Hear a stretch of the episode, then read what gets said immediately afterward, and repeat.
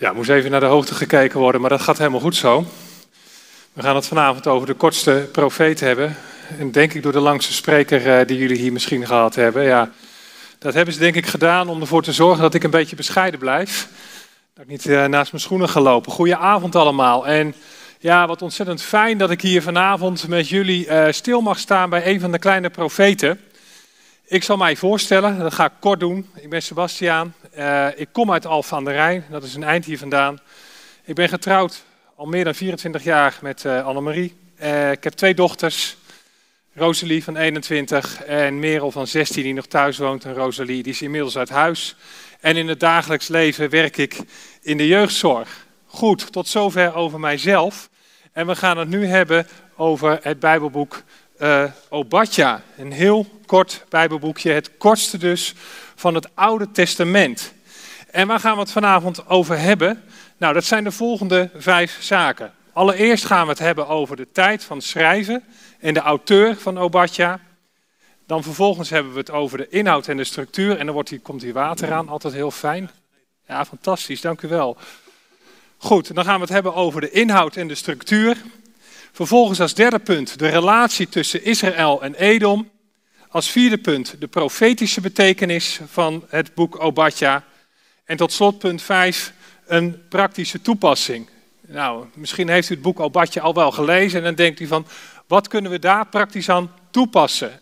Dat is wel mogelijk, alleen je moet op een andere manier gaan denken en je moet er op een andere manier naar gaan kijken. Ik vind het sowieso bewonderenswaardig dat u hier vanavond bent om het te gaan hebben over een oordeelsprofetie. Ja, daar word je toch niet zo heel erg vrolijk van. Dus alle respect voor iedereen die meeluistert thuis, maar ook voor iedereen die hier vanavond zit. Echt, uh, nou, donderdagavond, je kan ook voor de buis gaan hangen. Dat is sowieso al met Bijbelstudie bezig zijn.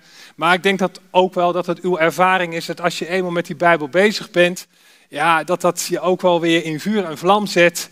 En uh, dat je ook wel weer gaat, uh, ja, gaat realiseren hoe rijk het allemaal is en hoeveel zin dat aan ons leven geeft.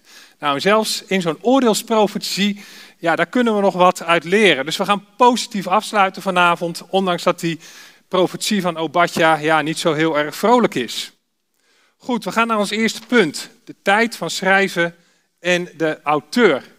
En um, ja, in het Bijbelboek zelf vinden we geen directe aanduidingen, aanwijzingen. Er staat niet van in de tijd van die en die koning hè, sprak Obadja deze profetie uit. Dat vinden we niet terug. Dus als we iets van aanwijzingen vinden, dan moeten we het uit de boodschap van het boek zelf halen.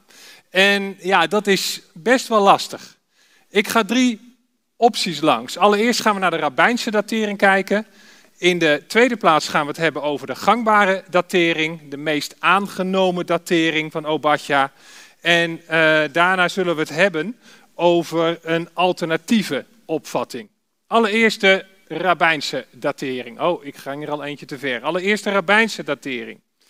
De rabbijnse datering gaat ervan uit dat Obadja geschreven is in de tijd van Agab en Izebel. En we weten allemaal, ja, dat was niet zo'n goed koningskoppel. Uiteindelijk is het met Izebel ook niet zo, en Agab trouwens ook niet zo goed afgelopen. Hè. Izebel is door de honden opgegeten en er bleef ja, niet meer over dan haar handen en haar schedel. Zeer goddeloze koning Agab en zijn vrouw was nog erger aanbaden de Baal. En in die tijd was het ook Elia die daar dat offergevecht zeg maar, hield op de Karmel. In 1 Koningen 18 vers 3 komen we daar een Obadja tegen. En de Romeinen, of de Romeinen, de rabbijnen, die zeggen dat uh, deze Obadja degene is die het Bijbelboek Obadja geschreven heeft. En wat staat er dan in 1 Koningen 18 vers 3? Agab riep Obadja, de hofmeester. Dus die Obadja was de hofmeester van Agab. Nu vreesde Obadja de heren zeer. Dit is natuurlijk wel bijzonder. Dan heb je Agab en Izebel, die zijn zeer goddeloos. En dan denk je, wat moet daar een schrijver van, hè, mogelijk een profetisch boek, daar als hofmeester zijn? En toch gebeurt het. Denk ook even aan Daniel aan het hof van Nebukadnezar. En dat gebeurt wel vaker. Denk ook aan de tijd van de Heer Jezus, dat daar op een gegeven moment een Romeinse hoofdman is die zeer goed is voor het volk Israël. Terwijl we weten dat het Romeinse volk een bruut, bruut volk was.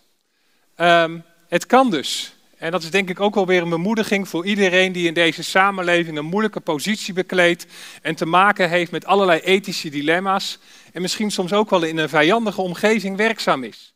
Dat is eigenlijk al een troost en een, een, bemoediging die je hierin mag vinden. Nou goed, deze Obadja zou volgens de rabbijnen hè, eh, de schrijver zijn van het Bijbelboek Obadja. En hij vreesde de Heere zeer. En dat uit zich ook in zijn handelen, dat zien we ook terug. We gaan dat nu niet opzoeken, maar deze Obadja zorgde er op een gegeven moment voor dat daar honderd profeten die met de dood bedreigd werden, in twee groepen gesplitst werden. En een groep van vijftig werd in een spelonk gebracht, in een grot gebracht. En een andere groep van vijftig in een andere grot. Hij was ook nog eens slim, want als je ze allemaal in één grot stopt, die profeten, en ze worden ontdekt, dan gaan al die honderd profeten eraan. En ja, wordt nu een van die groepen van 50 ontdekt, dan gaan er maar 50 van die profeten aan. Dus wat dat betreft was hij ook nog wel slim. Nou ja, deze Obadja zou dus de schrijver zijn geweest volgens de rabbijnen van Obadja. En de rabbijnen zien daarin een heel interessant contrast tussen enerzijds Obadja en Agab en anderzijds Edom, waarover het gaat in het Bijbelboek Obadja. En Edom is de nakomelingen, wat zijn de nakomelingen van Esau. En Obadja wordt dan gezien als een rechtvaardig man, die diende onder twee goddeloze koningen. En Esau wordt dan gezien als een onrechtvaardige nakomeling van twee gelovige ouders. Daar zie je dus een contrast. Esau, onrechtvaardig met rechtvaardige ouders. Obadja, rechtvaardig onder de dienst van een onrechtvaardige koning. En de les die daar dan uit geleerd kan worden is van ja, weet je, je kunt nooit een ander de schuld geven van jouw geloof of ongeloof. Jij bent altijd persoonlijk verantwoordelijk voor de keuze van je geloof. En ehm, ja, dat kun je niet gaan afschuiven op je voorouders. Ook al heb je ongelovige ouders hè, en het evangelie, het woord van God komt tot je, dan heb je de keuze om, om een andere weg in te gaan. Dat zien we overigens ook bij koning Josia terug. Ook in de koningen. Koning Josia, die had een uh, goddeloze vader en een goddeloze overgrootvader. Maar hij ging uiteindelijk terug naar de God van zijn voorvader David. En dat resulteerde er uiteindelijk in dat de hervormingen in het land Israël kwamen.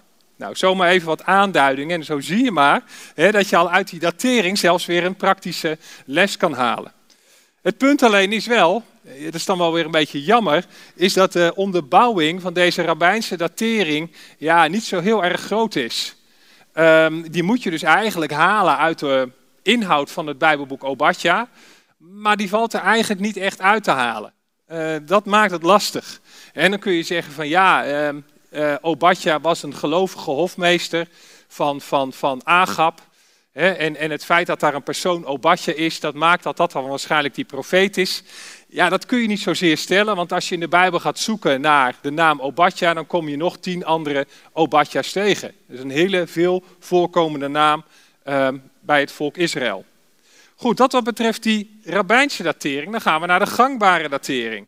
En de gangbare datering die gaat ervan uit dat het boek Obadja geschreven is aan het begin van de ballingschap van Juda. Dus zo'n beetje rond de tijd van 2 Koningen 24 en 25 en 2 Kronieken 36. En een indirecte aanwijzing of verwijzing zouden we dan vinden in Obadja 1, vers 11 tot 13. En laten we daar eens naar kijken. Um, als u uw Bijbel mee heeft, dan kunt u daaruit lezen. Ik doe het vanavond zo dat ik alle teksten uit Obadja uit de Bijbel lees en alle overige teksten uit alle andere Bijbelboeken, die komen op de biemer te staan. Nou, dat maakt het zoekwerk wat makkelijker. Alhoewel, Obadja vinden is ook nog een hele klus. Klein boekje, hè? En ja, je slaat er niet zo gauw op. Nou, uh, ik denk dat u hem ondertussen wel heeft gevonden. Dat mag ik hopen. Mocht u een herziene statenvertaling hebben, dan zitten we op bladzijde 1460. Dan gaat het net even wat makkelijker. En wat lezen we dan in Obadja 1, vers 11 tot 13? Daar staat dan het volgende, en dat wordt dan geschreven aan het adres van Edom, de nakomelingen van Esau. Op de dag dat u aan de kant stond, op de dag dat vreemden zijn leger als gevangenen wegvoerden, buitenlanders zijn poorten binnentrokken en over Jeruzalem het lot wierpen, was ook u als een van hen. U had niet mogen toekijken op de dag van uw broeder, de nakomelingen van Jacob, op de dag dat hij een vreemde voor u was. U had niet blij mogen zijn vanwege de Judeërs op de dag van hun ondergang. U had geen grote mond mogen opzetten tegen hen op de dag van hun benauwdheid. U had de poort van mijn volk niet binnen mogen trekken op de dag van hun ondergang. U, juist u, had niet mogen toekijken bij het kwaad dat hem trof op de dag van zijn ondergang. U had uw handen niet mogen uitstrekken naar zijn leger op de dag van zijn ondergang. Nou, hier worden we bepaald, toch eigenlijk wel redelijk direct, bij ehm, de inname van Jeruzalem aan het einde van de koningen- en de kroniekentijd, waarbij het volk Israël naar Babel wordt weggevoerd. of eigenlijk Juda wordt weggevoerd naar Babel en daar waarbij de tempel vernietigd wordt. Dat vinden we hier dan toch wel indirect, maar wel heel sterk terug. Een andere aanwijzing is, is dat in het boek 1 Ezra, en dat is een oude versie, een oude Joodse versie van het Bijbelboek Ezra, een wat uitgebreidere versie, dat daar staat dat Edom de tempel heeft afgebrand. Dat Edom daarvoor verantwoordelijk is. Dus dat zou dit boek Obadje ook in die tijd kunnen plaatsen. Nog weer een ander punt is dat we in Jeremia 49, ook geschreven na de inballingschapvoering van het volk Israël, van Juda beter gezegd, eh, dat dat hele grote overeenkomsten kent met Obadja. Sommige stukken komen zelfs woordelijk overeen. Echter, ja, 100% zekerheid hebben we niet, maar persoonlijk vind ik dit de meest aannemelijke datering. Uh, ja, conclusie is wel dat de exacte tijd van schrijven en het bepalen van de auteur bij Obadja wat lastig is. Nou, dat is de tweede datering. Deze heeft dus mijn voorkeur, maar goed, ehm, u moet het uiteindelijk altijd zelf uitzoeken en nazoeken. Het is ook niet het allerbelangrijkste, want je zou ook nog uit kunnen gaan van een alternatieve opvatting. En die alternatieve opvatting is van ja, zie nou deze profetie als een algemene waarschuwing. En daarbij wijst Obadja meer op de betekenis van die naam, en dat is dienaar van Yahweh, dan op een concreet persoon. En dat was natuurlijk bij die profeten wel zo. Bij de profeten was het natuurlijk wel zo uh, dat hun dienaarschap veel belangrijker was dan hun eigen persoon. Zo moest Hosea met een prostituee trouwen. Ja, dat zou je maar gebeuren. Hij moest zich daarvoor opofferen. Uiteindelijk was het woord, was het woord, was de profetie belangrijker dan de boodschappen. Uiteindelijk zou het in deze tijd ook nog steeds zo moeten zijn, hè, dat, het, dat het woord, dat, dat datgene wat gesproken wordt, groter is dan de persoon die dat woord verkondigt. Nu in dit geval zou Obadje dan meer op de betekenis van de naam wijzen en, op de functie van de profeet, namelijk een dienaar van Yahweh, dan op een concreet persoon. En als je dan ziet als een deze alternatieve opvatting ziet als een algemene waarschuwing, dan zou je ook nog eens kunnen kijken naar de duur dat het volk Edom heeft bestaan. En dat is ongeveer zo'n 2000 jaar geweest. 1800 voor Christus kwam Esau daar en uit Esau kwam Edom voort. En Edom bleef bestaan tot ongeveer 90 na Christus. Daar zullen we straks nog bij stilstaan, bij de historie van Edom. Dat is ook denk ik heel belangrijk, omdat deze profetie haast helemaal over Edom gaat. En dan gaat het eigenlijk nog verder als je uitgaat van uh, de opvatting van de Joden die zeiden dat de Romeinen ook Edom waren. Dat het een soort geestelijke nakomelingen waren. En overigens hoor je dat in deze tijd in sommige opvattingen ook nog wel weer terug. Dan blijft die boodschap doorgaan. Daar zullen we straks nog wel even over opkomen. Dat het een, in zekere zin ook een waarschuwing voor ons is van ja, hoe ga je met het volk Israël om? Hoe verhoud je je tot dit volk, tot Gods volk? Nu, Kunnen we daar ook nog over zeggen. Dat Romeinse Rijk dat ging over in het Roomse Rijk en uiteindelijk de westerse beschavingen. En vanuit die optiek zou je kunnen zeggen van ja, heeft dat boek Edom in zekere zin ook nog wat over ons te zeggen. Of in ieder geval tot ons. Nou, maar ja, uiteindelijk is ook dit allemaal interpretatie. Maar van interpretatie kunnen we wel leren. En dat kan ons wel weer uh, een aanzet geven om goed over dingen na te denken. Over onze verhouding ten opzichte van Israël maar ook over onze verhouding, en dat zal in het praktische gedeelte nog naar voren komen, ten opzichte uh, van hen die in het algemeen verdrukt worden en die zich in een moeilijke positie bevinden. Dat wat betreft de alternatieve opvatting.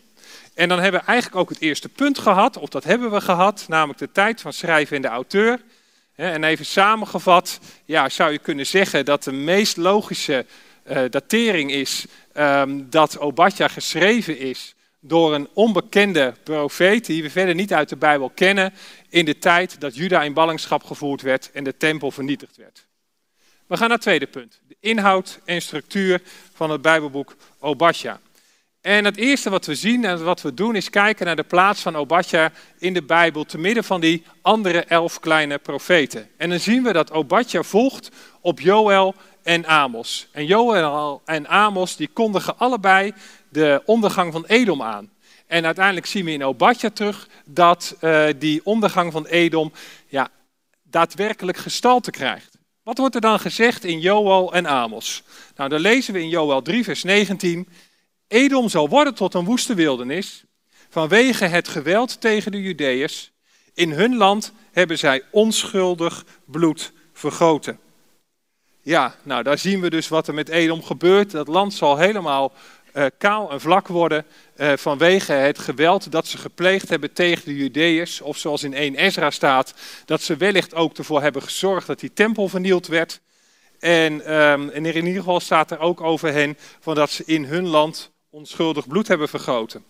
En dan lezen we in Amos 1, vers 11 en 12, zo zegt de Heer, vanwege drie overtredingen van Edom, ja vanwege vier, dat geeft het grote geduld van de Heer aan, zal ik er niet op terugkomen. Het is op een gegeven moment klaar, hun overtreding ja, is, is, is meer dan groot geworden. Omdat hij zijn broeder met het zwaard achtervolgd heeft en zijn barmhartigheid teniet gedaan, omdat zijn toren altijd weer verscheurde en hij zijn verbolgenheid voor altijd koesterde. Hij bleef maar boos, hij bleef maar boos, hij bleef maar boos. En dat was niet maar één persoon, hè, maar dat begon bij Esau. En dat bleef maar doorwoekeren van generatie op generatie op generatie.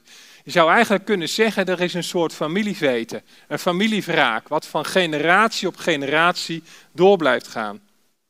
En dan staat er als laatste nog, daarom zal ik vuur werpen in Theman, een van de plaatsen in het rijk van Edom. Dat zal de paleizen van Bosra verteren. Ja, dat wat betreft Joël en Amos, waar we de ondergang van Edom al aangekondigd zien.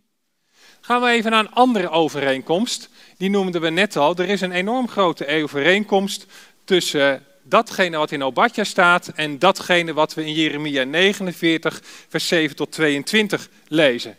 En het gaat nog verder, want we zien ook dat er meerdere oordeelsprofetieën over Edom in de Bijbel te vinden zijn.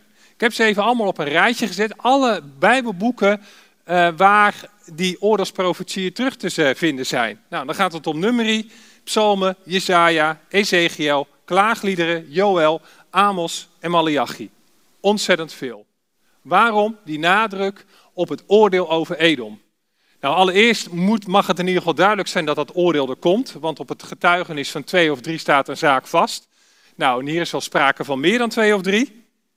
Maar het belangrijkste is misschien nog wel dat er sprake is van broedermoord, van het vervolgen van een broeder. En uh, dat wordt het Edom enorm kwalijk genomen. Hij had Jacob niet aan mogen vallen. Hij had Israël, hij had Juda niet aan mogen vallen. Dat had niet mogen gebeuren. En dat neemt de Heer het uh, volk van Edom zeer kwalijk. Uiteindelijk is het wel zo dat Obadja goed eindigt. Het eindigt met een heilsboodschap voor Israël.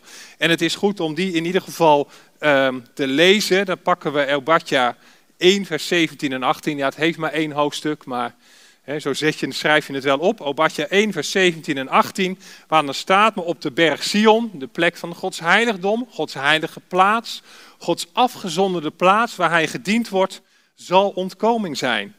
Die zal een heilige plaats zijn. Zij die van het huis van Jacob zijn, zullen hun bezittingen weer in bezit nemen. Dan zal het huis van Jacob een vuur zijn, het huis van Jozef een vlam. Jacob duidt hier op uh, uh, Juda, en Jozef duidt hier op uh, Israël. Hè? Zeg maar de twee stammen en de tien stammen zullen uiteindelijk weer één worden. En het huis van Esau zal tot stoppels worden. Zij zullen tegen hen ontbranden en hen verslinden, zodat er geen ontkomene zal zijn voor het huis van Edel, Esau.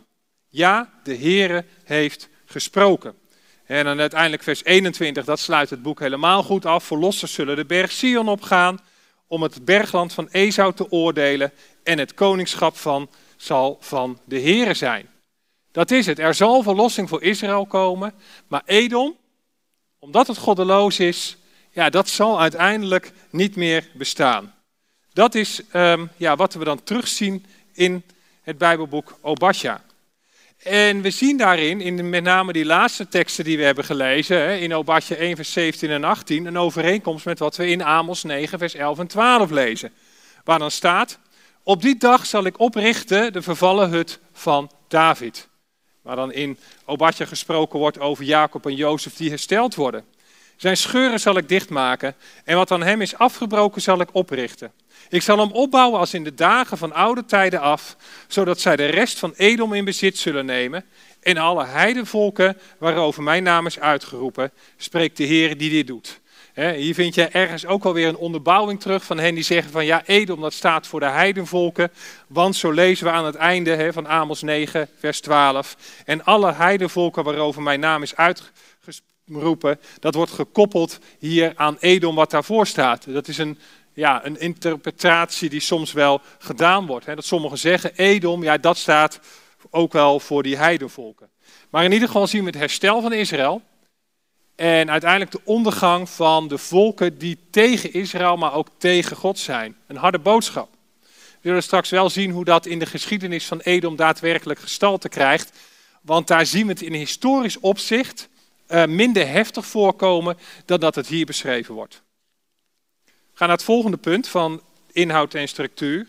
En we hebben het eerder gehad over de boeken die vooraf gingen aan Obadja. En nu hebben we het over het boek dat volgt op Obadja. En dat is Jona. En in Jona zien we dat er hoop is voor een goddeloos volk. Ja, er staat nog wel veel meer in Jona. Het is een boek met verschrikkelijke diepe lagen. Het wordt ook op de Heer Jezus toegepast, die drie dagen in het graf lag. Maar een van die boodschappen is natuurlijk wel dat er hoop is voor een goddeloos volk. Het goddeloze volk van Nineveh, dat tot inkeer komt. En eigenlijk wil daarmee, wordt daarmee aangegeven dat er voor ieder goddeloos volk, voor ieder goddeloos mens, dat er hoop is. Er is hoop voor de wereld. Denk ik gelijk aan die tekst zoals die ook in de Bijbel staat, dat Christus voor ons stierf toen wij nog zondags waren. En dat hij ons zijn genade aanbiedt. Hoop voor een goddeloos volk. En Nineveh pakt die hoop. Maar wat zien we bij Edom? Nou, daar moet je naar Malachi gaan, het laatste oud-testamentische Bijbelboek, ook de laatste kleine profeet. En dan lees je in Malachi 1, vers 4, hoewel Edom zegt, als wij verwoest worden, bouwen wij de puinhopen weer op.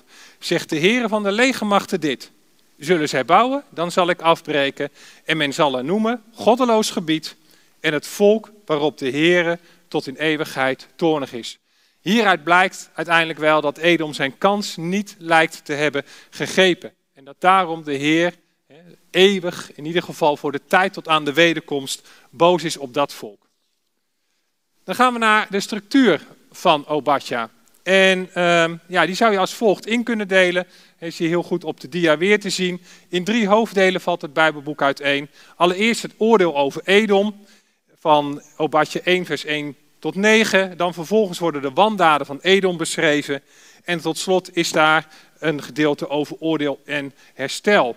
En dan vallen er eigenlijk in het oordeel over Edom natuurlijk een aantal zaken op. Het begint met een opschrift en dan worden er drie zaken genoemd waarom er oordeel over Edom is. Namelijk vanwege hoogmoed, vanwege rijkdom en vanwege zijn eigen wijsheid. En eerlijk gezegd, als ik dit zo lees, dan denk ik, tjoh, is dat niet iets wat je nu ook heden ten dagen gewoon in de wereld ziet? Dat hè, eh, met name in het Westen God verlaten wordt. En dat de, uh, uh, de regeringen zeggen van, joh, we regelen alles zelf wel. Wij kunnen alles zelf wel oplossen. Um, zich baden in hun rijkdom. We hebben het hier nog nooit zo rijk gehad als in deze tijd. En vooral zich richten op hun eigen wijsheid. In die zin dat men zegt van ja, de wetenschap zegt er is geen God, dus er is geen God.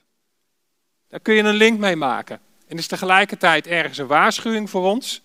Tegelijkertijd ook wel weer ergens zullen we zien dat er ook een bevestiging in te vinden is als je een aantal nieuwtestamentische teksten ernaast legt die ons de weg wijzen om op een goede wijze met deze zaken, zoals we die tegenkomen in de samenleving, om te gaan.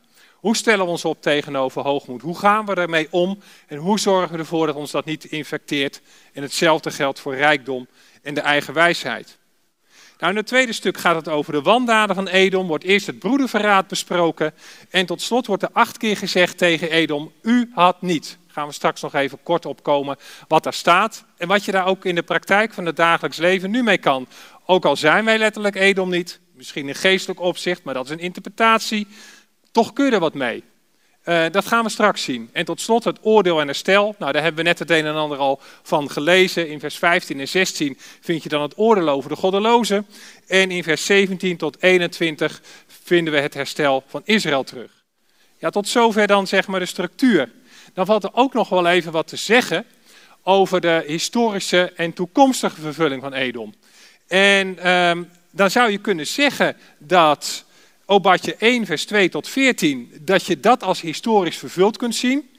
En vers 15 tot 21, dat dat nog in de toekomst moet gaan gebeuren op een of andere manier. En hoe je dan Edom moet gaan zien, dat is best een lastige. Um, maar je ziet daar in ieder geval wel het herstel van Israël terug. En dat is denk ik wel een heel belangrijk gegeven. Dus je zou het in twee delen kunnen laten vatten. Vers 1 staat er hier dan uh, niet bij, omdat dat het opschrift vormt. Vers 2 tot 14 historische vervulling. Vers 15 tot 21 toekomstige vervulling. Nou, en dan komen we bij het sleutelvers. Ik vind het toch altijd wel mooi dat je kijkt naar een vers van, ja, wat dekt nou echt die lading van een Bijbelboek? dat, dat, dat is natuurlijk nooit uh, helemaal 100% zo, maar wat zou je kunnen zien als de meest, uh, de, de tekst die het meest weergeeft wat je in Obadja aan boodschap tegenkomt? Nou, dan is dat Obadja 1 vers 21, waar we lezen, verlossers zullen de berg Sion opgaan om het bergland van Esau te oordelen en het koningschap zal van de Heere zijn. Ja, er zal verlossing voor Israël komen. Sion zal weer Gods heiligdom zijn. Het bergland van Esau wordt veroordeeld. En zoals we dat elders ook hebben gelezen, uh, Juda en ook Israël zal het in bezit nemen. En het allerbelangrijkste is, en het koningschap zal van de Heer zijn. En, en met name dat laatste, ik moet u zeggen, als je het mij persoonlijk vraagt hè, in deze tijd van Tjob, wat is de oplossing voor alle problemen in de wereld? Nou, dat is deze laatste zin. Als het koningschap van de Heer is, dat zal alles oplossen. En ik moet u eerlijk zeggen, hè, naarmate ik de problemen om mij heen zie, en ik zie dat dan vooral in mijn omgeving in de jeugdzorg, um, ik zie de problemen groter worden, ik zie de oplossingen steeds verder weggaan je van, tjoh, ja, wat zou toch mooi zijn als we een samenleving uiteindelijk hebben onder de Messias hè, op deze wereld. En waar onze plek dan is, daar zullen we het nog even niet over hebben. Hè, dan kom je toch weer op een stuk eschatologie. Um, maar wat zou dat dan mooi zijn? Dat daar plaats is, dat de kinderen weer spelen op de pleinen hè, en dat de ouderen daar ook rustig kunnen zitten. En hoe is de situatie nu? Ja, de Joden zeggen wel eens, een, een, een samenleving die God vreest, daar wordt goed voor de kinderen gezorgd en ook goed voor de ouderen gezorgd. Misschien kun je het ook omdraaien. Kun je zeggen, op het moment dat in een samenleving God niet meer gevreesd wordt, dan zie je dat met hoe met de kinderen wordt omgegaan en hoe met de ouderen wordt omgegaan. En dan denk ik dat er tegen onze samenleving in dat opzicht hè, niet een letterlijke, maar eigenlijk wel een geestelijke aanklacht ligt. Dat zijn wel dingen waar we rekening mee kunnen houden. Hoe kun je daar dan weer het verschil in maken? Want ja, het is makkelijk om te zeggen wat er mis is. Ja, ik denk dat jullie daar als gemeente uh, uh, perfect plaats voor kunnen bieden. Juist deze tijd roept ons op om als gelovigen te handelen, om er te zijn voor die zwakken, om ze een thuis te geven, om, om hen te koesteren, om voor hen te zorgen. En dat is eigenlijk de tegenovergestelde boodschap die we vanuit eh, Obadja zien. Eden wordt erop aangesproken van, hey, hoe ga jij met je broeders om, uh, die het moeilijk hebben? En, en, en, en Edom wordt daarom veroordeeld. En dat oordeel, als je dat omdraait, dan roept dat op tot een goed gedrag wat uiteindelijk zegen geeft. Niet alleen voor degene die je liefde en barmhartigheid betoont, maar dat, is, dat geeft het ook aan jezelf. Het is zo mooi om uiteindelijk te mogen geven, om uiteindelijk te mogen delen. Dat vervult ons bestaan, dat geeft ons bestaan zin. Goed, we gaan verder, want we hebben nog meer te bespreken. Ik heb altijd veel te veel, dat is een beetje mijn probleem. Maar volgens mij gaan we nog wel redelijk qua tijd. Um, we gaan naar ons derde punt. We gaan naar de relatie tussen Israël en Edom. En dan geef ik u even pauze voor uw oren en dan neem ik even wat te drinken. Als u nou zoiets heeft van we houden het allemaal niet meer bij. In maart komt er over deze hele studie in Israël en de Bijbel een, uh, een, een, een, hele Bijbels, een uh, heel artikel. Uh, ik moet het nog gaan schrijven, maar dat scheelt. Dus u hoeft het niet allemaal te onthouden, kunt u het dan nog eens een keer teruglezen. En volgens mij komt de PowerPoint ook online te staan, dus dan heb je daar ook weer handvatten aan. Goed, dan gaan we weer verder. De relatie tussen Israël en Edom. En dan gaan we eerst eens even kijken naar die geschiedenis van Edom. En die loopt pakweg van 1800 voor Christus tot aan Herodes Agrippa II in 90 na Christus. Bijna 2000 jaar. en dat begint natuurlijk met Esau. Esau is de voorvader van uh, Edom. En dan gaan we het nu even hebben over die relatie tussen Edom en Esau. Want dat is wel heel erg mooi om te zien. De Bijbel geeft daar zulke duidelijke aanwijzingen voor. Hè, letterlijk ook wel. Maar dat wordt ook heel mooi verwoord in de schrift zelf. Want dat lezen we in Genesis 25, vers 30. Waar we dan zien dat Edom afstamt van Esau op basis van het, eh, de betekenis hè, van, van de naam Edom, namelijk rood. Dan lezen we in Genesis 25, vers 30. Toen zei Esau tegen Jacob laat mij toch slurpen van dat rode. En daar staat in het Hebreeuws Adom. Dat rode, Adom staat er dan weer daar, want ik ben moe. Daarom gaf men hem de naam Edom. En dan staat er ook Edom, Adom, Adom, Edom. We zien de eh, overeenkomsten daarin.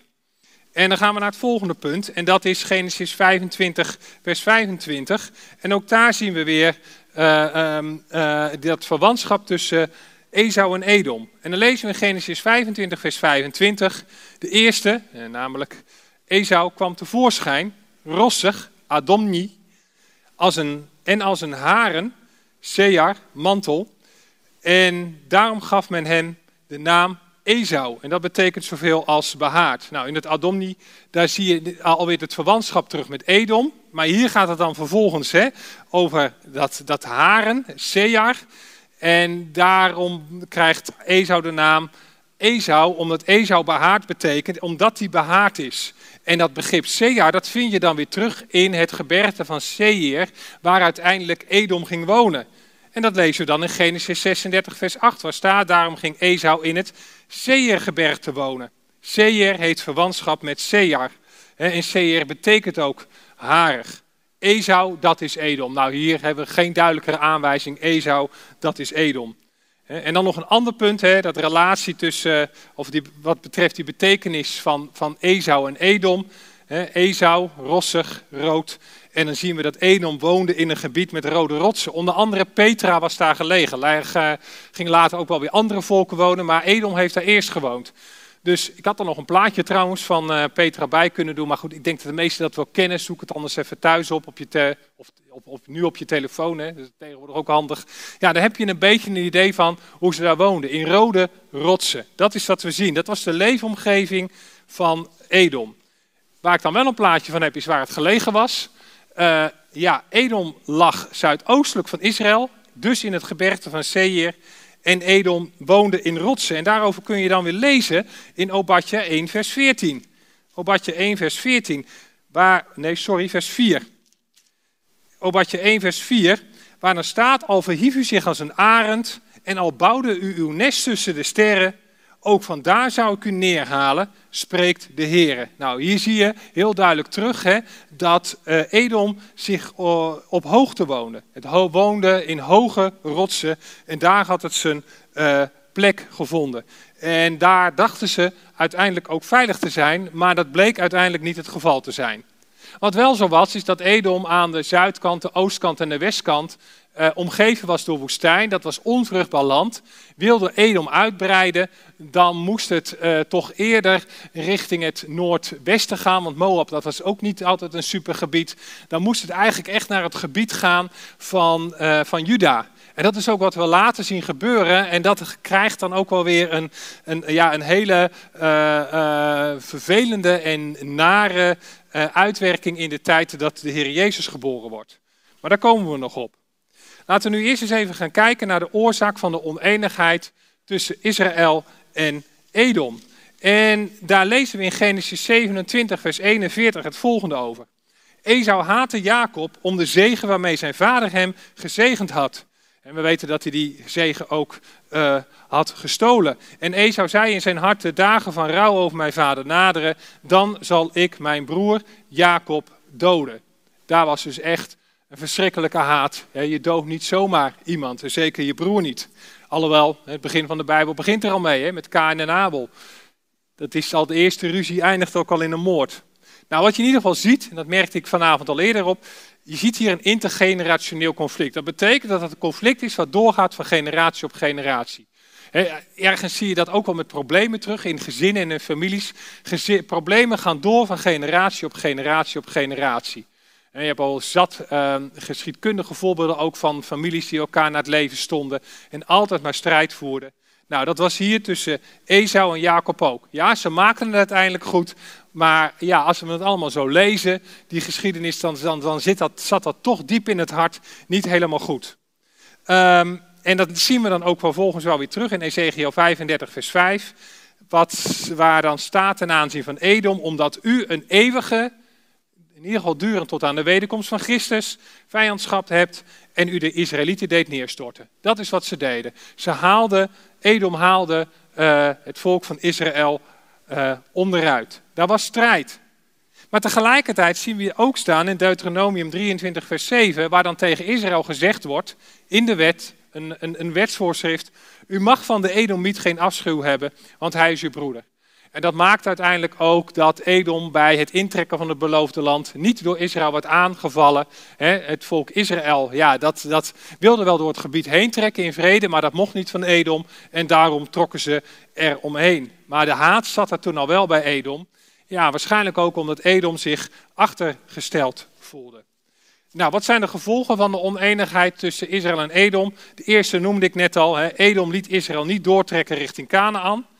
En we zien op een gegeven moment ook dat David de strijd aanging tegen Edom. Kun je ook van afvragen, had David dat mogen doen? Weet ik even niet, heb ik nog niet uitgezocht. Nou, dat is de moeite waard om dat nog eens na te gaan. Want stond er niet, hè? lazen we net niet, uh, dat in de wet stond... u mag van de Edomiet geen afschuw hebben, want hij is uw broeder. Moest Israël daar niet met voorzichtigheid mee omgaan? Uh, dat is wel een ding. En dat zien we wel vaker in de Bijbel. Hè? Dat, dat ook knechten God dingen doen die, ja, die niet de bedoeling zijn. Nou, ook Salomo streed tegen Edom. En dat had er meer mee te maken omdat Edom Salomo aanviel en Salomo zich moest verdedigen. En als je dan weer verder kijkt in de koningentijd, dan zie je Edom en Juda elkaar ook telkens bestrijden in die, in die koningentijd. Ja, en waar zit het dan in? Ja, dat heeft denk ik ook allemaal te maken. We hebben het net gehad over de lengte van het conflict, hè, dat het intergenerationeel is. Het gaat over van generatie op generatie op generatie. Wanneer stopt het? Wanneer gaat iemand eens een keer die rekening betalen en zeggen van joh, we gaan hier gewoon mee stoppen en hè, we zetten er een streep onder. Eh, dat is het conflict over tijd. En als je het hebt over het conflict in relatie, dan gaat het om de strijd om voorrang. Wie krijgt nou dat eerstgeboorterecht? Nou, dat zie je vaker terug in de Bijbel. Kijk bij Kaan en Abel, dat is niet een strijd om eerstgeboorterecht, maar wel om, om, om de acceptatie door God. Kain die kon het niet verdragen dat Abels offer wel werd aangenomen en dan waarschuwt de Heer nog en toch slaat hij Abel dood. Kijk naar Isaac en Ismaël, hè, er zit ook gelijk de component Sari en Hagar aan vast. Daar zie je het eigenlijk al wel terug. Hè? Sari en Hagar, die, die, die hebben mot met elkaar. En dat straalt dan af op de relatie van Isaac en Ismaël. Nou, daar zie je heel duidelijk dat intergenerationele conflict terug. Wat zich dan verhoudt tussen twee personen die strijden om, om, uh, bij Sarai en Hagar om de liefde van Abraham. Bij Jozef en zijn broers vinden we terug. Bij Israël en de volken vinden we terug. Kijk nu ook maar van ja, dat de situatie voor Israël nu nog steeds niet altijd makkelijk is. Maar ook eigenlijk tussen Israël en de kerk. Want hoe vaak is hè, de kerk. Ja, het is, wat is de kerk? Dat is natuurlijk altijd een hele goede vraag. Maar door de eeuwen heen, wat is er door christenen niet aan de Joden aangedaan? Hoeveel leed is hen niet aangedaan? Nou, daar, daar zie je het. Het is de strijd om voorrang. De strijd om de eerste positie. Ja, En, um, en, en, en, wanneer vindt die strijd zich dan plaats? Hè? Wanneer, wanneer gebeurt dat dan? Ik denk dat je kunt zeggen dat dat plaatsvindt wanneer mensen zich niet aan de hen gegeven positie houden. Dat ze een andere positie willen innemen, een hogere plaats in willen nemen. En dat zit eigenlijk wel een beetje in mensen hun genen om dat te doen. Nou, Obadja vormt uiteindelijk het sluitstuk, profetisch dan, ten aanzien van de strijd van Israël tegen Edom. Het is profetisch, want na Obadja zien we er nog wel doorgaan, onder andere in de tijd uh, van, um, even kijken, de tijd rond de geboorte van de Heer Jezus zien we dat ook terug. Goed, daar kun je ook wel weer een koppeling aan maken naar de praktijk, want die strijd om voorrang die zien we ook in de wereld terug. Uh, tussen volken, het ene volk wat het andere bestrijdt. En deze tijd zien we bijvoorbeeld uh, ja, dat China heel veel macht probeert te krijgen. Uh, het gaat vaak om macht, om geld, om, om, om, om, status. We zien het ook in, tussen bevolkingsgroepen. we zien het zelfs in christelijke gemeenten helaas. En zelfs ook binnen gezinnen. En daar hebben we net al wat bijbelse voorbeelden ook van gezien. Um, En wat is dan het antwoord daarop? Ja, ik denk dat, dat we dat heel duidelijk in Romeinen 12, vers 3 terugvinden. Waar dan Paulus zegt, want door de genade die mij gegeven is, zeg ik ieder onder u niet hoger te denken dan hij moet denken.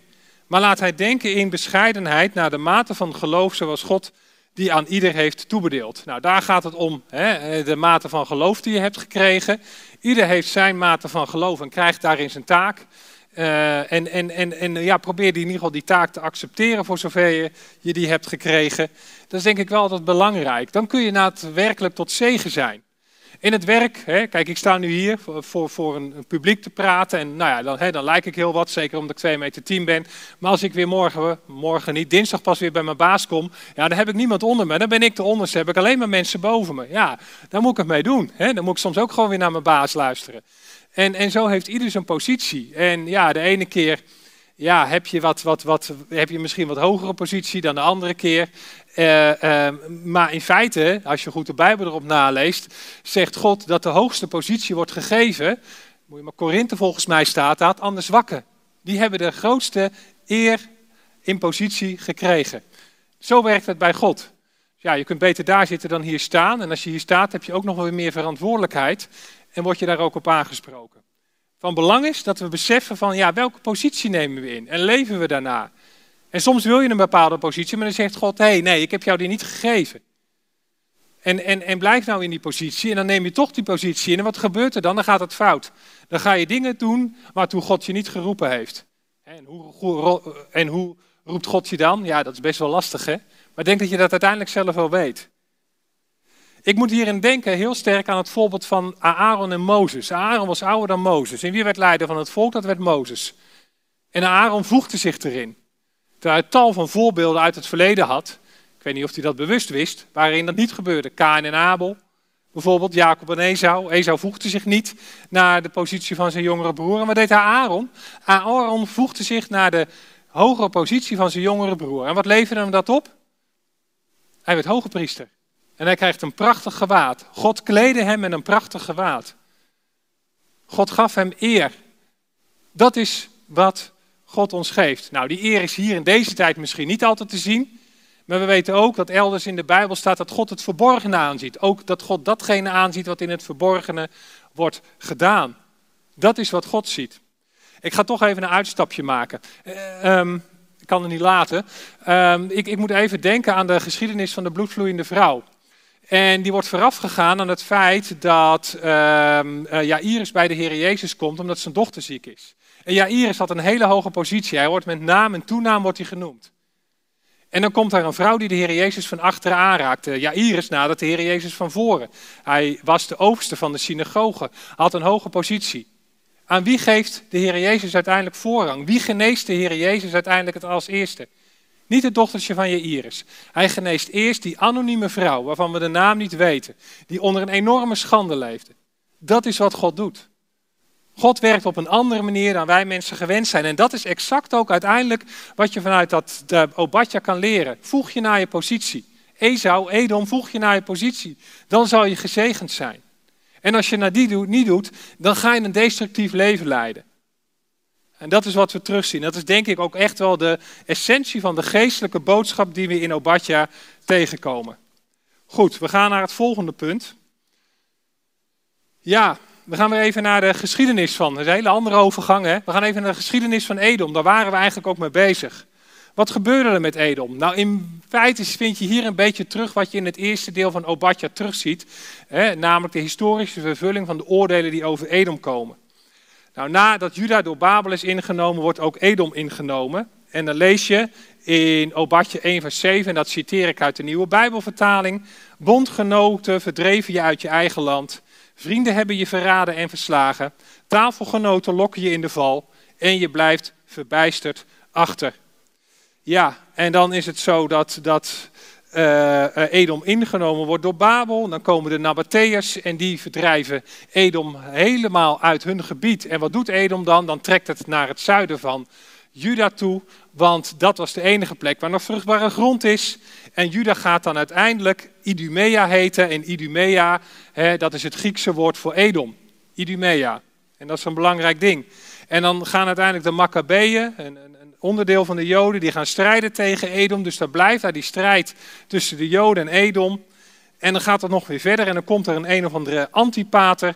En die wordt voor, vanwege zijn steun aan Caesar in de strijd tegen Egypte, wordt hij in 40 voor Christus aangesteld als uh, vorst over Juda. En dan gebeurt het dat Edom, Idumea, gaat heersen over Juda. En vanuit Antipater komt voort Herodes de Grote, die kennen we wel. Die is van de kindermoord, ook dat is een Edomiet, Idumea.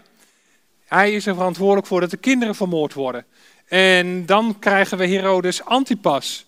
Herodes Antipas is verantwoordelijk voor de onthoofding van Johannes de Doper en voor de dood van de Heer Jezus.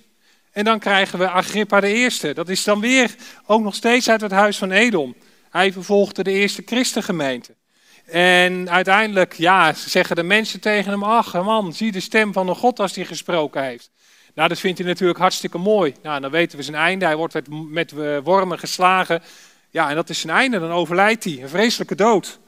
Hij werd als God beschouwd, gaf God niet de eer en dat moest hij met de dood bekopen. En dan tot slot de laatste uit, uit de lijn uh, ja, van het Herodiaanse koningschap. Agrippa II, van hem weten we dat hij Paulus verhoorde in handelingen 25 en 26. En later streed hij met Vespasianus mee in de Joodse oorlog waarbij de tempel verwoest is. Dus Edom is ook uiteindelijk in zekere zin ook wel weer deels verantwoordelijk voor de verwoesting van de tweede tempel. Als we ook ervan uitgaan dat ze eh, één Ezra gelijk heeft, waarin gezegd wordt dat Edom verantwoordelijk is voor de verwoesting van de eerste tempel. En zo zien we die hele lijn van destructie doorlopen eh, tot aan het einde van de eerste eeuw. Dat is wat we zien. Ja, wat gebeurt er dan? Nou, en na 70 eh, na Christus gaat Edom langzaam op in de volken. En zo rond 90 na Christus komt uiteindelijk ook Agrippa II te overlijden. En van Edom is nu niets meer over. Dat is wat we zien ten aanzien van de teloorgang van Edom. Dan gaan we naar de profetische betekenis. Daar hebben we het net al over gehad. Ik herhaal hem nog even, omdat die belangrijk is. De historische vervulling zien we in Obadje 1, vers 2 tot 14. Daarin zien we de geschiedenis van Edom terug, die we net in een notendop hebben beschreven. Die is natuurlijk veel groter. En dan praat ik al heel erg snel. Hè? ja. En ik heb ook heel veel te vertellen. Het moet allemaal binnen een uur, maar dat ga ik niet halen. Um, de geschiedenis van Edom loopt van 1800 voor Christus tot 90 na Christus.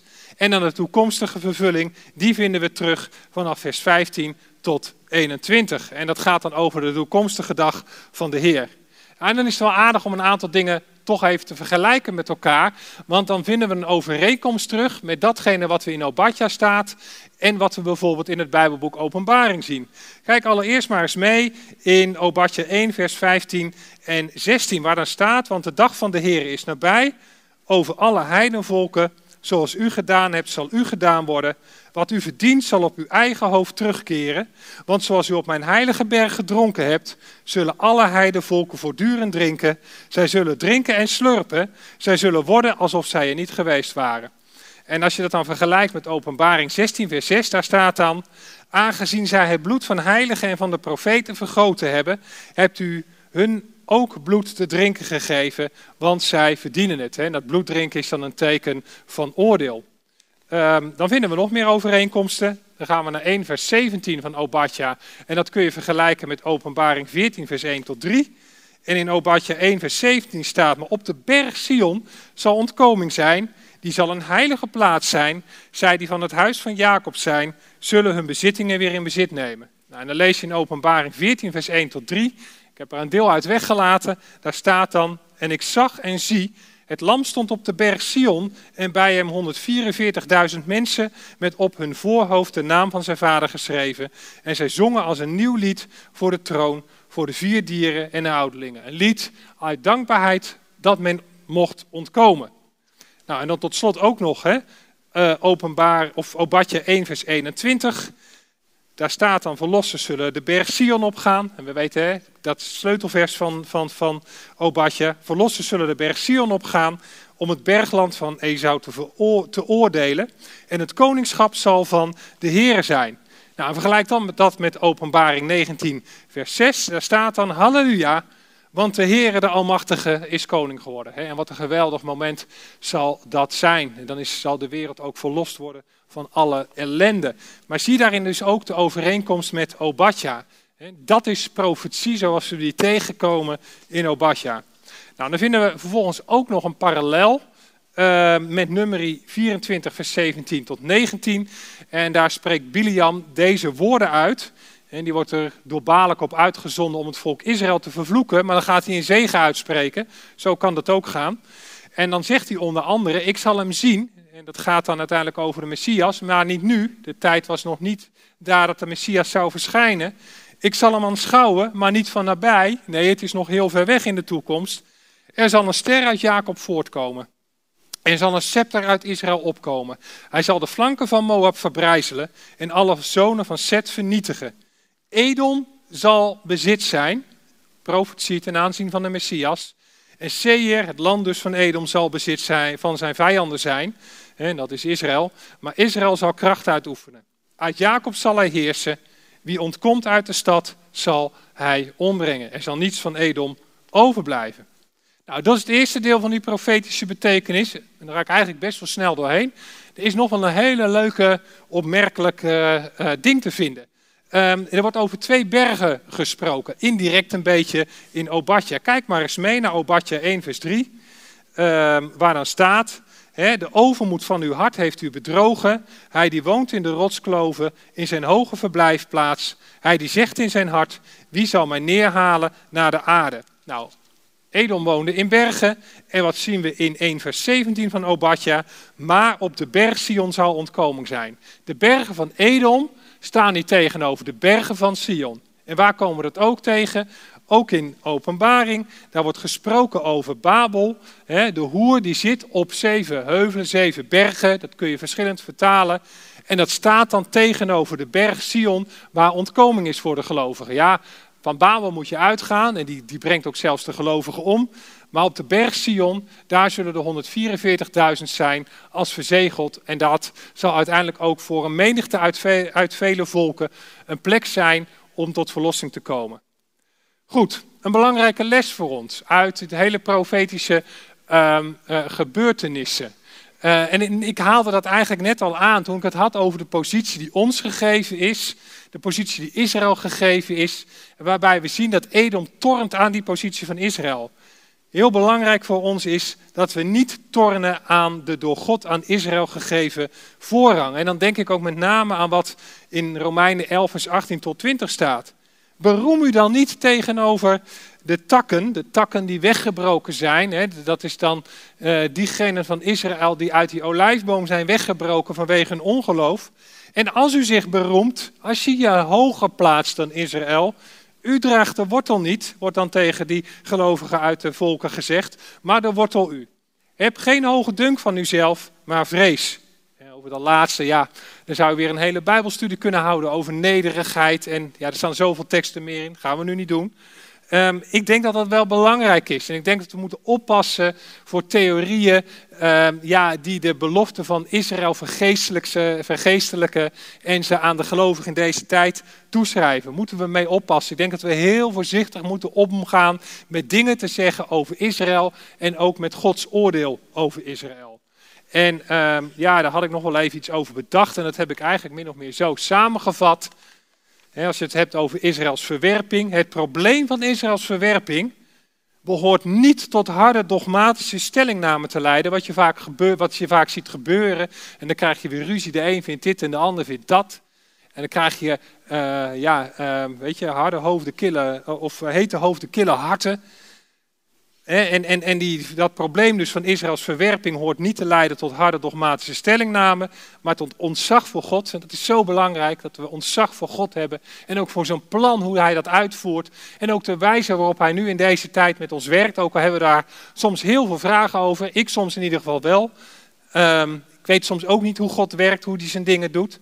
Dat mag ook. We zien het even heel kort samengevat in het boek Job terug.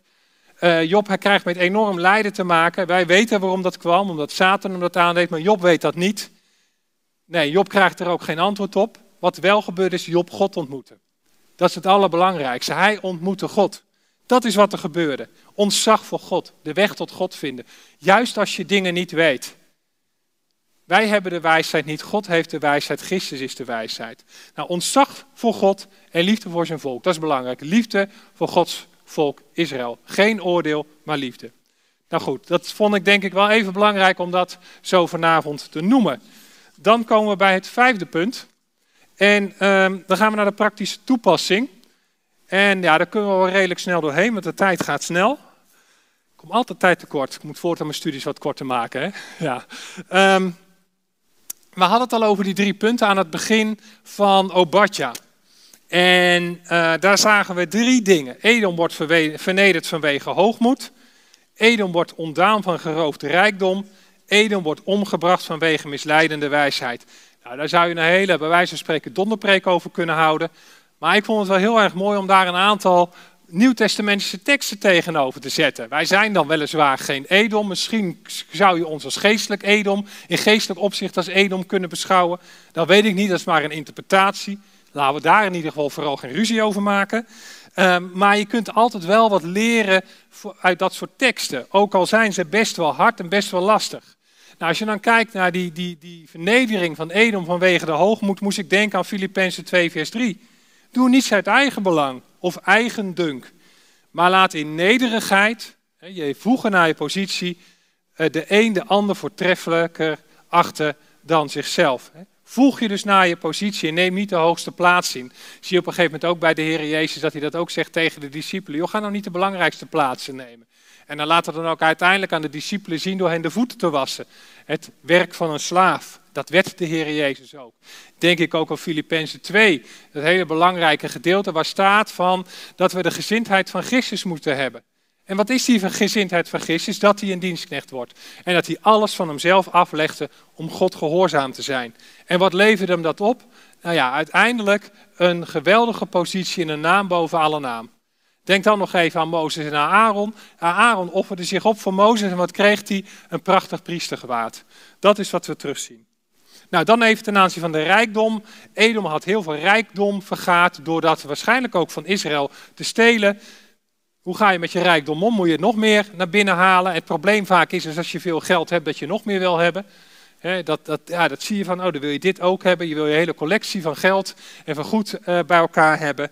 Um, maar wat zegt 1 Timotheus 6, vers 17 en 18? Hun die rijk zijn in de tegenwoordige wereld, moet gij bevelen niet hooghartig te zijn en hun hoop gevestigd te houden, niet op onzekere rijkdom, doch op God die ons alles rijkelijk ten gebruike geeft om wel te doen, rijk te zijn in goede werken, vrijgevig en mededeelzaam.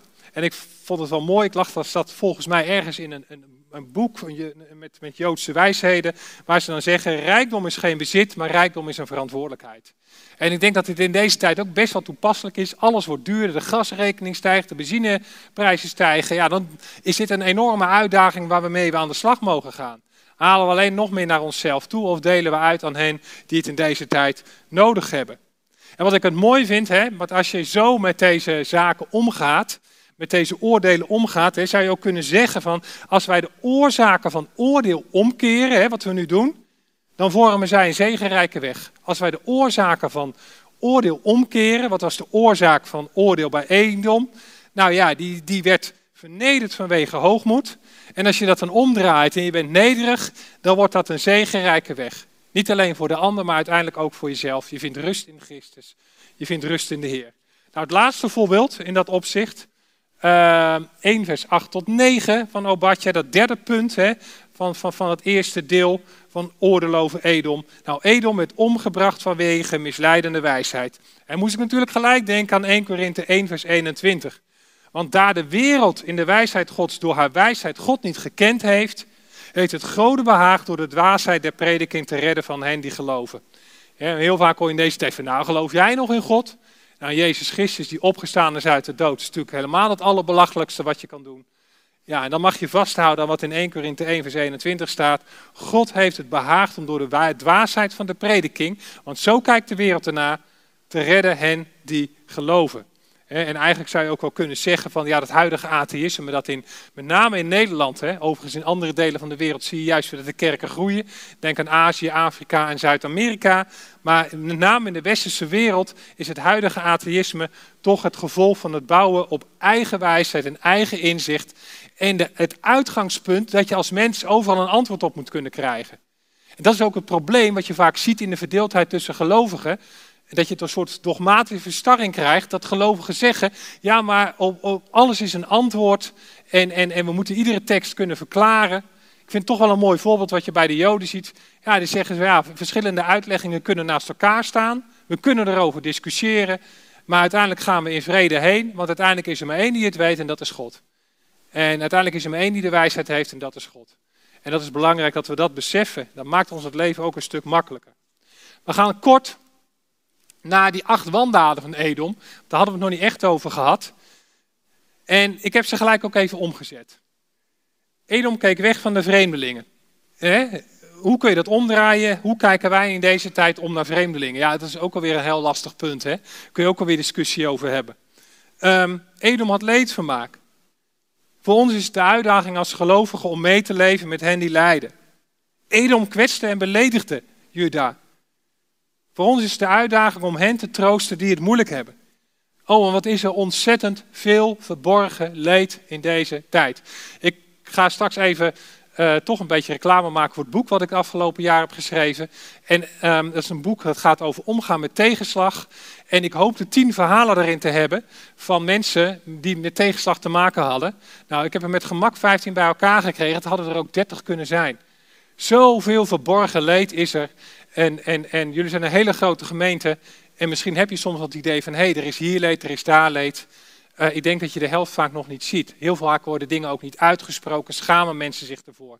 Er is heel veel verborgen leed. Het is zo belangrijk dat we anderen troosten. Dat de troost die God ons heeft gegeven door zijn woord en door zijn geest, dat we die uitdelen. Niet kwetsen en beledigen, maar troosten. Niet plunderen, maar het materieel ondersteunen van benadeelden. In uh, de kerk waar ik vroeger vandaan kwam, had je de diaconie goed gegeven dat er uh, een, een, afdeling binnen een gemeente, binnen een kerk is, die zich richt op het ondersteunen van mensen die het in materieel opzicht moeilijk hebben. Daarin ga je eigenlijk in tegen, die tegenover, uh, tegen het gedachtegoed van Edom. Ellende negeren. Ik moet eerlijk zeggen dat als ik soms ellende op tv zie, van zo'n zo spotje met hongerende kinderen, nou zat me snel weg, ik wil het niet zien dan ga ik maar weer een bak chips leeg eten. Dat is vaak wat we doen, hè? Misschien ook wel herkenbaar. Ja, nou even niet. Nou wil ik even een leuke avond hebben. Ellende negeren. En uiteindelijk is het veel beter om zij die problemen hebben op te zoeken. En over hen te zijn, hen te ondersteunen. Fysiek aanvallen, dat is wat Edom deed. Ik denk dat het voor ons een uitdaging is om gevallenen te helpen opstaan. Het ombrengen van slachtoffers. Ik denk dat wij geroepen zijn om hen te redden die ten onder gaan. En tot slot het verraden van vluchtelingen. Ja, dan raak je gelijk een politiek punt hè, van momenteel de toestanden bij de Wit-Russische grens. Maar ik ga je niks politiek zeggen. Ik denk alleen maar dat de Bijbel ons heel duidelijk laat zien, in zijn volle breedte, dat het goed is dat we, met hoe dat we goed met vreemdelingen omgaan. Het tegenovergestelde van het verraden van vluchtelingen is dat je vluchtelingen opneemt. En dan sluiten we toch gelijk ook aan wat we in het Nieuwe Testament zien staan. Ik vind het altijd mooi om die link te maken van het Oude naar het Nieuwe Testament. Sommigen zeggen ook van het Eerste naar het Tweede Testament. want ze zeggen van ja, het Oude Testament, daar zeg je daar eigenlijk mee van, dat doet er niet meer toe. Nou, dat hoef ik jullie niet uit te leggen, want anders ga je niet een studie volgen van de twaalf profeten. Ja, toch? Um, maar het is, ik denk wel dat het een, een eye-opener is. Het zijn allemaal van die dingen, dat zei iemand eens tegen mij, die zei ook van ja, Sebastian, je hebt het altijd maar over het Oude Testament, maar daar wil je toch niet mee zeggen dat dat voorbij is? Ik zei nee, het is wel goed dat je me erop wijst. Het is inderdaad, het is niet voorbij, we kunnen er nog steeds uit leren. Het is wel vervuld in Christus. En wat zegt de Heer Jezus dan? In Matthäus 25, daar zegt hij tegen zijn discipelen, daar zegt hij tegen zijn volk, en ik geloof ook wel dat er een geestelijke les voor ons in zit. Um, dan zegt hij, want ik had honger en u hebt mij te eten gegeven. Ik had dorst en u hebt mij te drinken gegeven. Ik was een vreemdeling en u hebt mij gastvrij onthaald. Ik was naakt en u hebt mij gekleed. Ik ben ziek geweest en u hebt mij bezocht. Ik was in de gevangenis en u bent bij mij gekomen. Dit staat natuurlijk, eigenlijk is dit wat Edom niet deed. En wat, waarvan we hebben gezien dat het de bedoeling is dat volgelingen van de Heer Jezus Christus dat wel doen. En dit is het tegenovergestelde dus van wat Edom deed. En dat is wat de Heer Jezus zegt, zoveel jaar later nadat Obadja geschreven is. Een andere tekst moest ik ook even aan denken, omdat Edom daar hoog in die bergen en die hoogte zat. En uit die hoogte op anderen neerkeek en dacht dat hij veilig zat. Is dat Jezus daar tegen zijn discipelen zegt, u bent het licht van de wereld. Een stad die bovenop een berg ligt, kan niet verborgen zijn. En ook steekt men geen lamp aan en zet die onder de korenmaat, maar op de standaard. En hij schijnt voor alle die in het huis zijn. Ben je een stad op de berg die in het donker blijft, of die in het licht blijft? Ik reed hier naartoe, dat is heel mooi. Ik kwam natuurlijk door de Flevopolder, kom uit Al van de Rijn. Um, en uh, dan zag ik Urk liggen, al die lampjes. Ik vond het zo mooi. Ik was er al heel vaak voorbij gereden, omdat ik ook nog wel eens helemaal in het noorden ben geweest. Maar dan was het overdag. En nu zag je die lichtjes liggen. Nou, als een baker van licht, hè, uh, hopelijk ook nog eens in zekere zin van geloof. Nou ja, Urk is natuurlijk toch wel echt Bijbelbelt. Uh, jammer dat het de laatste tijd best wel negatief in beeld komt. Maar ik geloof dat daar meer positieve dingen gebeuren dan wat nu door de media wordt gezegd. Maar ik vond het mooi zoals het er lag. Zijn wij een licht in het donker, want deze wereld is duister? Zijn wij lichtende sterren te midden van een verkeerd ontaard geslacht? Of gaan we mee met dat ontaarde en verkeerde geslacht? Gaan we mee in de geest van Sodom? Nou, dat is de vraag. Laat uw licht zo schijnen voor de mensen dat zij uw goede werken zien en uw Vader die in de hemelen is verheerlijken.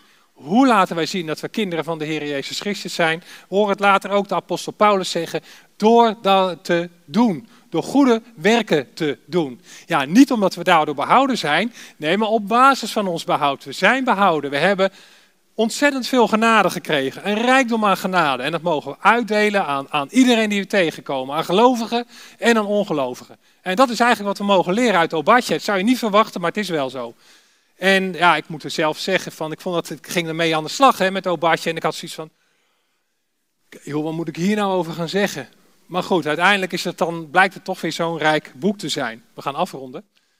Uh, ja, hoe ziet dit er eigenlijk na het kruis uit? Hoe zien we dit? Hè? Uh, ik geloof zelf dat wat in de evangelie staat, uh, dat dat later in de brieven van Paulus en de andere apostelen, dat, daar de, dat dat verder uitgewerkt wordt. Dat daar de betekenis van het kruis nog zeg maar extra aan toegevoegd wordt. Dat dat nog meer verdiept wordt. Dat het eigenlijk dat wat de uh, apostelen zeggen uh, dat het een uitleg is van datgene wat de Heer Jezus heeft gedaan en ook wat hij heeft gesproken. Wat staat er dan in Titus 2, vers 14? Hij heeft zichzelf voor ons gegeven, opdat hij ons zou vrijkopen van alle wetteloosheid, zoals we die bij Edom zagen, en voor zichzelf een eigen volk zou reinigen, ijverig in goede werken.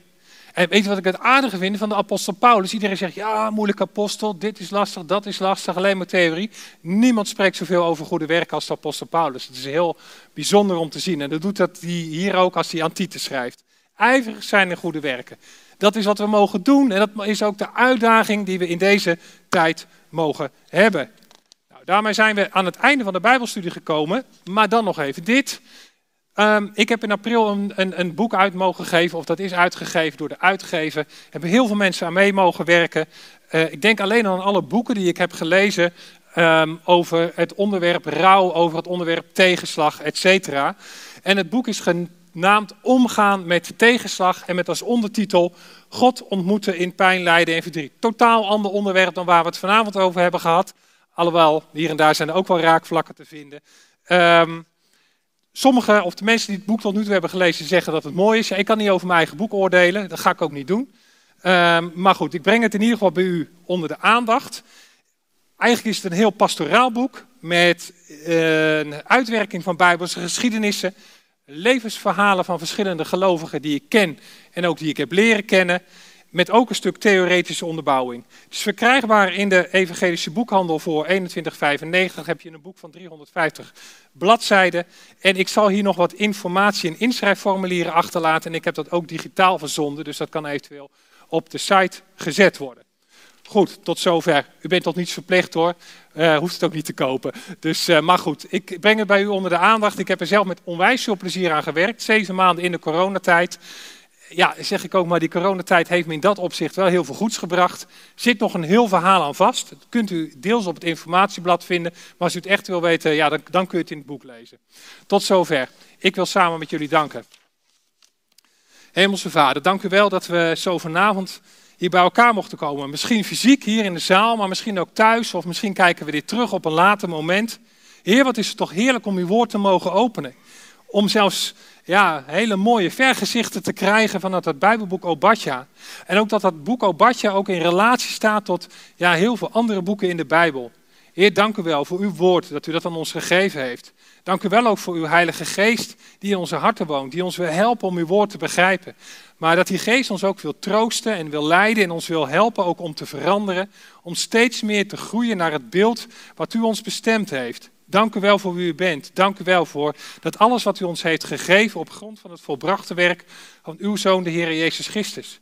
Die naar deze aarde kwam, die zijn positie aflegde en die zich vernederde tot aan het dood van het kruis toe. Maar u hebt hem doen laten opstaan. U hebt hem ten hemel op laten varen. En Heer, u heeft hem uitermate verhoogd. Dank u wel, Heer, dat wij nu mogen weten dat ons leven met Christus verborgen is in u als wij in u geloven. Dank u wel dat u ons die genade heeft gegeven. En leer ons dag in, dag uit steeds meer daarna te leven. Dank u wel dat u ons daar de gelegenheid voor geeft. Dank u wel dat u ook ons elkaar geeft. Dat we elkaar mogen opbouwen, elkaar mogen ondersteunen, elkaar mogen bemoedigen en aanmoedigen, maar ook elkaar mogen troosten als het moeilijk is. Want Heer, we leven in een lastige en een ingewikkelde tijd. Aan de ene kant is er zoveel materiële rijkdom, maar aan de andere kant zoveel geestelijke armoede. En het is soms moeilijk om, ja, om daarin staande te blijven, ook als gelovigen. Het is soms moeilijk om onze weg daarin te vinden. Zeker ook als ellende of tegenslag ons treft. Want u kent ons allemaal zoals we hier zitten. We zijn hier misschien vanavond fysiek naartoe gekomen of hebben onze computer aangedaan, maar voelen ons misschien wel heel leeg, heel verdrietig of hebben heel veel zorgen. Of hebben te maken met rouw of weten even helemaal niet meer hoe het verder gaat. Heer, dan mogen we ook zelfs op zo'n avond waarin we het hebben over een profetie, mogen we weten en mogen we tegenover elkaar getuigen, u gaat met ons mee. U wilt door uw zoon woning in ons hart maken. U wilt ons troosten. U wilt ons leiden. Maar u wilt ons bovendien een perspectief geven voor de toekomst. Hoe dit leven ook afloopt, we mogen uiteindelijk thuiskomen bij u in uw heerlijkheid. Dank u wel dat u ons dat heeft gegeven. Dank u wel dat u ons hart zo wilt verwarmen. Dank u wel voor wie u bent. Amen.